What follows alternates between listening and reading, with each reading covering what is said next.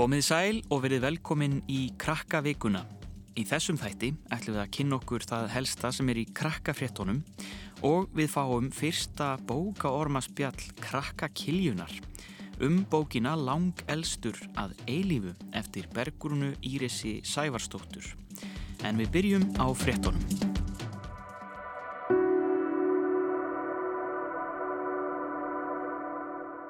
Plánetan Venus hefur skinið skert á himninum undan farnar vikur. Hún verður áberandi fram á vor og sést svo aftur á mornana næsta haust. Venus er næst innsta plánetan í sólkerfinu okkar. Hún er næstum því jafn stór í jörðinni en er aðeins fljótari í kringum sólina en við. Venus er líka heitasta plánetan í sólkerfinu okkar. Það hefur eflaust ekki farið fram hjá mörgum að Venus hefur skinið mjög skert á kvöldin upp á síðkastið. Það er vegna þess að Venus er tiltölulega nálagt okkur. Tunglið hefur líka verið skamt frá henni en næst gerist það í lók þessa mánadar og svo aftur í lók mars. Þá er útsýnið sérstaklega fallegt. Í sömar verður Venus milli jarðar og sólar Hún sínir sig svo aftur á morgun himninum okkar í júli og verður morgun stjarnar fram í desember. Þá er bara um að gera að njóta sjónarspilsins og dýrðarinnar næstu mánuði.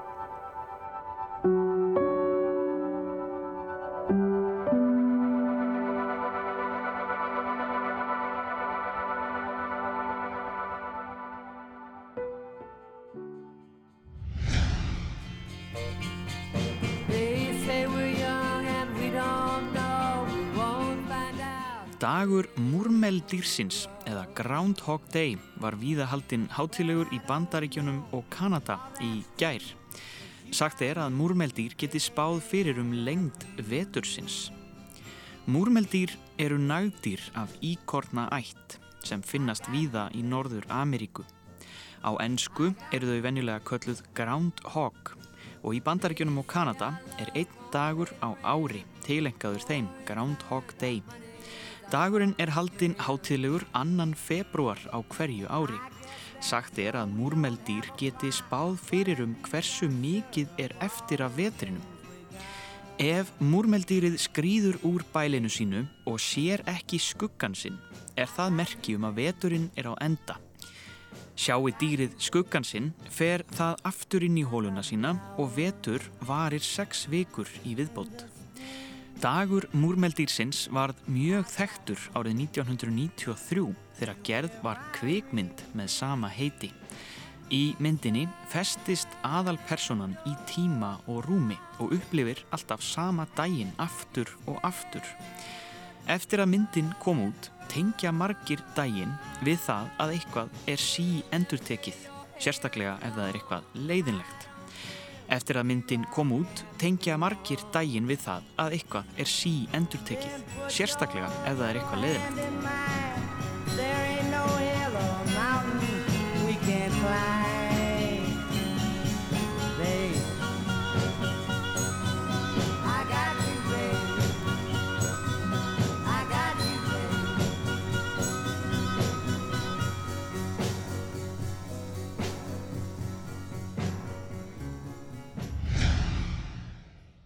Eftir að nokkur sleðaslis komu upp í Austuríki hefur verið sett af stað námskeið í sleðaöryggi. Þar fær fólk góð ráð til þess að hafa með sér í brekkurnar. Snjósleðar eru mjög vinsælir á veturna en þeir geta líka verið hættulegir ef maður fer ekki varlega. Nokkur slis hafa orðið í Austuríki í vetur Flest þeirra vegna þess að fólk sem brunar niður á sleðanum rekst á aðra sem er á leið upp. Þá er líka varasamt að tveir eða fleiri sleðar leggja af stað á sama tíma. Þá geta þeir rekist saman. Mun meiri áhersla hefur verið lögð á öryggi í sleðabrekkunum í Austuríki. Námskeið hafa verið haldinn og fólki kent ímislegt sem gott er að hafa í huga þegar maður renni sér. Nauðsynlegt er að hafa vettlinga, vera í góðum skóm og nota hjálm. Það þarf líka að passa að halda vel um stýrið, vita hvernig er best að hæja á sér og bremsa. og með sleða öryggið í huga og rétta búnaðinn er ekkert eftir en að skella sér í brekkuna og láta sig gossa. Íslensku bókmentavelunin voru afhengt við hátíðlega aðtöfn á bestastöðum í síðustu viku. Fimm bækur voru tilnemdar í hverjum flokki. Jón Viðar Jónsson hlaut velun í flokki fræðirita og bóka almenns efnis og í flokki fagur bókmenta fekk Sölvi Björn Sigursson velun. Bergrún Íris Sævarstóttir var velunuð fyrir bókina Lang elstur að eilífu í flokki barna og ungmennabóka.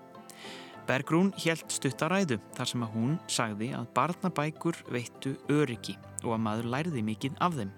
Þess vegna þurfi að nýta tíman í samverustundir við bókalestur.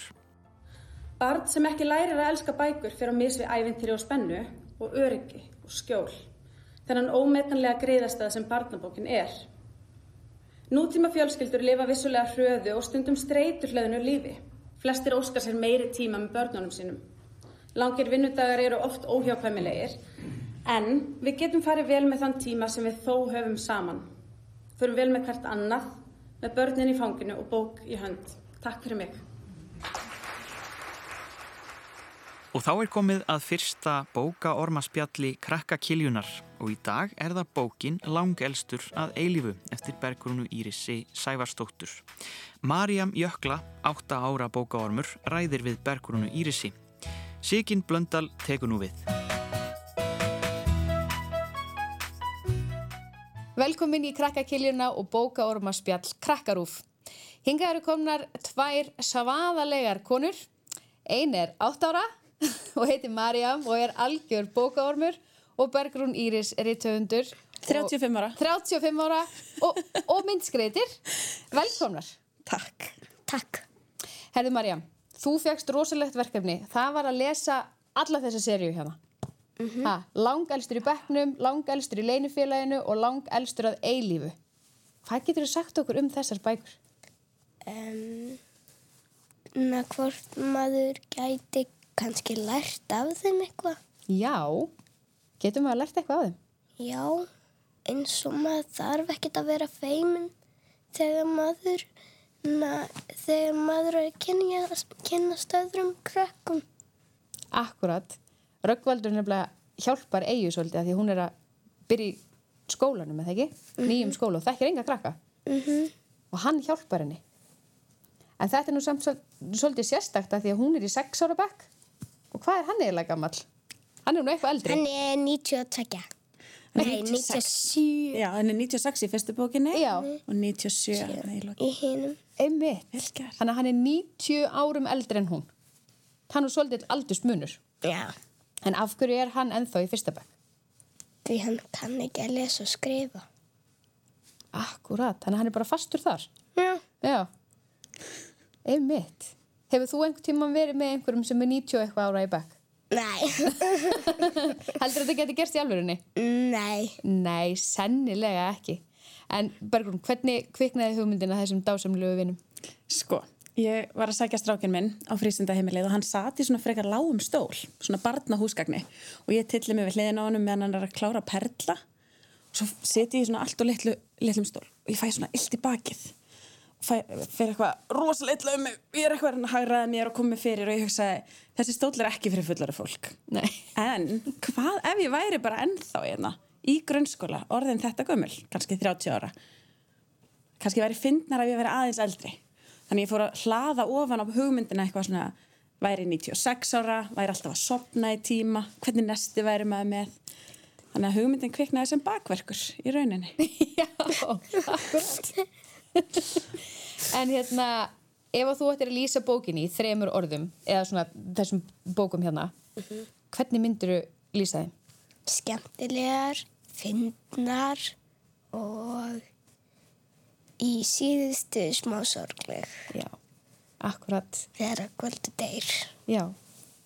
Að það nefnilega gerist oft þegar maður er orðin svona gamall. Já. Já, að þá deyr maður. Það er Sérstaklega 97 ára. 97 ára, já. Það er nefnilega svolítið gamalt. En í seinustu bókinni, þá eru þau nú að bralla ímislegt. Jöp. Hvað fannst þér svona skemmtilegast af því sem þau voru að gera saman? Bara í sveitina. Færi sveitina. Já, Hvað fannst þið skemmtilegast við það? út af því hann fekk að prófa fallífustek sem gamli kallar gerir alls ekki. Þekkið þú engan svona gamlan kall sem hefur farið í fallífastök? Nei. Nei. Við auglýsum eftir þeim hér með. En, en að hérna, e- einmitt þetta að skrifa svona sögu, e, er þú með einhverja fyrirmynd?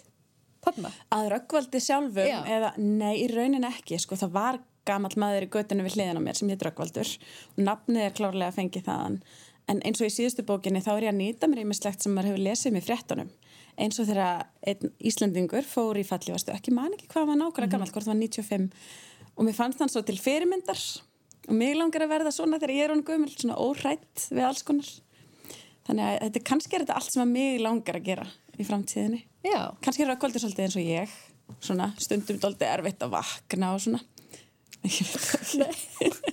En það er hérna, þú talaðir um það áðan, Marjam, að maður ætti ekki að vera hrættur við að kynna stöðurum krökkum.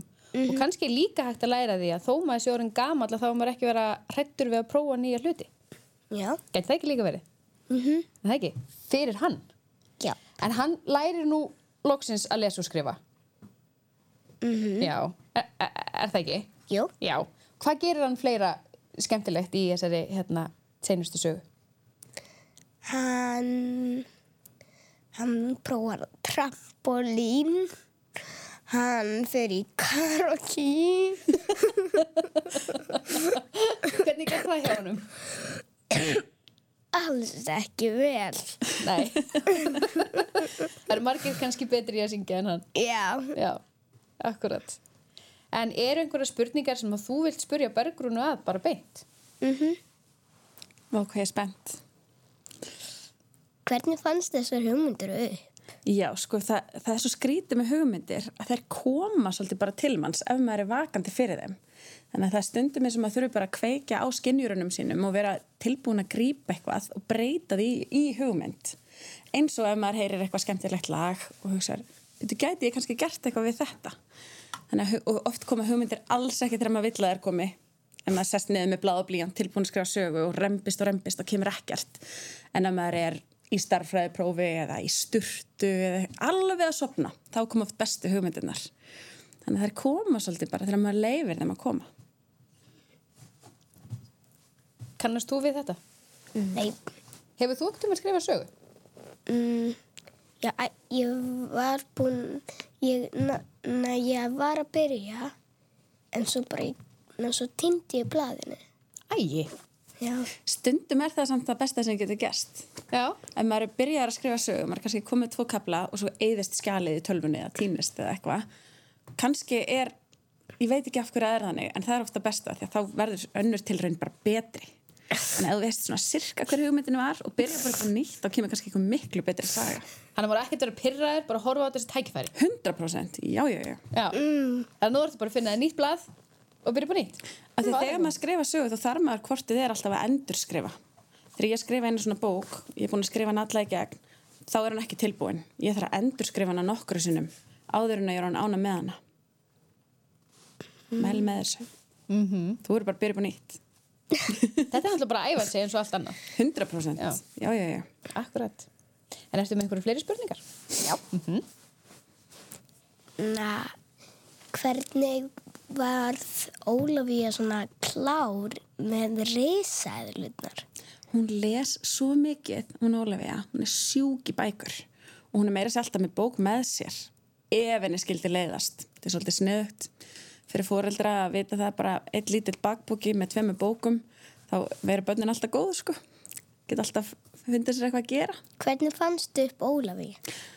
Um, Ólafía er svona vinkuna sem að ég hefði vilja eiga í skólanum. Hún er rosalega mikil bókastelpa og finnst gaman að fræða fólk og segja fólki frá. Og svo fannst mér svo mikilvægt að hafa eina stelpu sem að væri með rosa flotta krullur. Ég á vinkunu sem er með geggjaða krullur og hún segir að það sé rosalega sjaldan í bókum. Ólafía er sérst svo í rólunni þarna. Þessi hérna? Já. Já. Þetta er Ólafía sem veit allt um reysaðilur. Já, hún er með geggjaða krullur. Já. Einmitt. Því við verðum að hafa alls konar fólk í bókum, sérstaklega barnabókum, þannig að krakkar sem að lesa bækurnar geti fundið svona einhvern sem kannski líkist þeim Átt þú kannski vinkonu sem hefur áhuga á risaðalum? Eða veit rosalega margt um eitthvað? Nei. en veist þú mikið um risaðalur? Já. Já. Já, akkurat. Ég haf stóra vísindabók Er það? sem fekk ég ammali skrifu fyrra. Ertu búin að lesa hana alla? Nei. Nei, það er gott að eiga eitthvað eftir, sko. En áttu er þá kannski uppáhalds risaðalu? Mm, nei. Nei. Ég á uppáhaldsrisaðalu. Mm. Snarðalur, þær eru æði. Þessar litlu sem að hlaupa alveg brjáleðaslega hratt. Þær eru mjög klárar. Eiginlega uppáhalds risaðalu mín er hérna, sem er langa, langa, langa hálsin, heitur hún ekki eitthvað? Þórsæðlu bróðir. Þórsæðlu, Eða já. Finngálk. Já, Finngálk. Finngálkn er svo sem er með svona Já, já, já. Nú held ég að Og- segja- segja rétt. Skrítin, skrítin haus, jú, ég held að Ef það ég er að segja eitthvað svo hringir Sæ- Sævar Helgi í þig og leiðir þetta. Þetta er án ábyrðar. Já, alveg 100%. Já, akkurat. En þetta er náttúrulega rosalega mögnu dýr. Mjög skemmtilegt að hérna að læra um risa. Hvað með Magna? Magni, Magni er svolítið uppáhalds. Hann á fyrirmynd, sko. Það var strákur í skólanum mínum. Það var annars vegar strákur sem hétt Magni uh, og svo var annars strákur sem er eiginlega svolítið eins og Magni er í bókinni. Þannig ég tók svona tvo, tvær personur og blandaði þeim saman. Af því að mér fannst veginn hvorugur þeirra að vera akkurat Magni, þannig ég blandaði þeim saman. Það er svolítið sniðut. -hmm. Og hann var svona alltaf svolítið með hór og eitthvað svona sem ég ást fyndi að hafa í bókinni. Magni er líka mjög skemmtilegur og maður á ekki að dæma fólk strax. Kanski getur einhver verið pínlítið skrítin en samt skemmtilegastur í heimi. Já. átt þú þér uppáhaldspersonu í bókinni? Já. Röggvaldur. Já.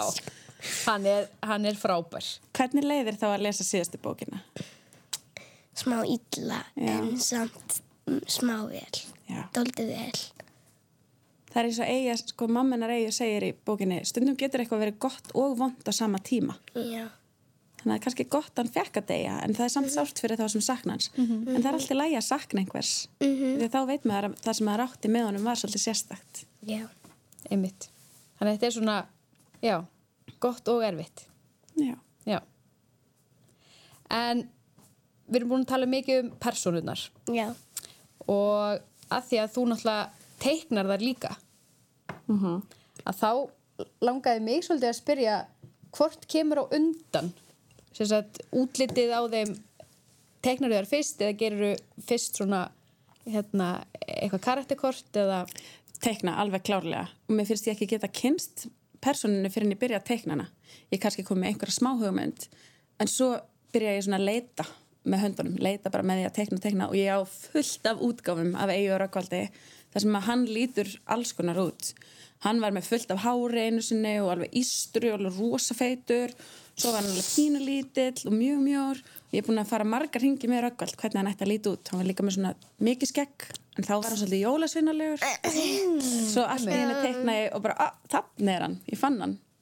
Skrítið, þetta er svo flett í myndalbum að leita að einhverjum. En skemmtilegt. En mér langar að þakka ykkur kærlega fyrir. Takk Marjam fyrir að koma í bókaormaráðu og lesa allar þessar bækur fyrir okkur og takk Bærgrún Íris fyrir að bara skrifa þessa indislegu bækur og, hérna, og kenna okkur aðeins hvernig við búum til personur í sögu. Takk fyrir kærlega Takk fyrir okkur í dag.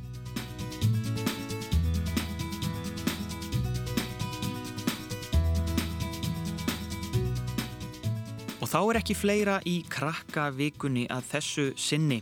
Það er hægt að horfa á bókaormaspjallið í mynd inn á krakkarúf.is og líka í krakkarúf appinu. En við heyrumst aftur í næstu viku. Þanga til næst, bless bless!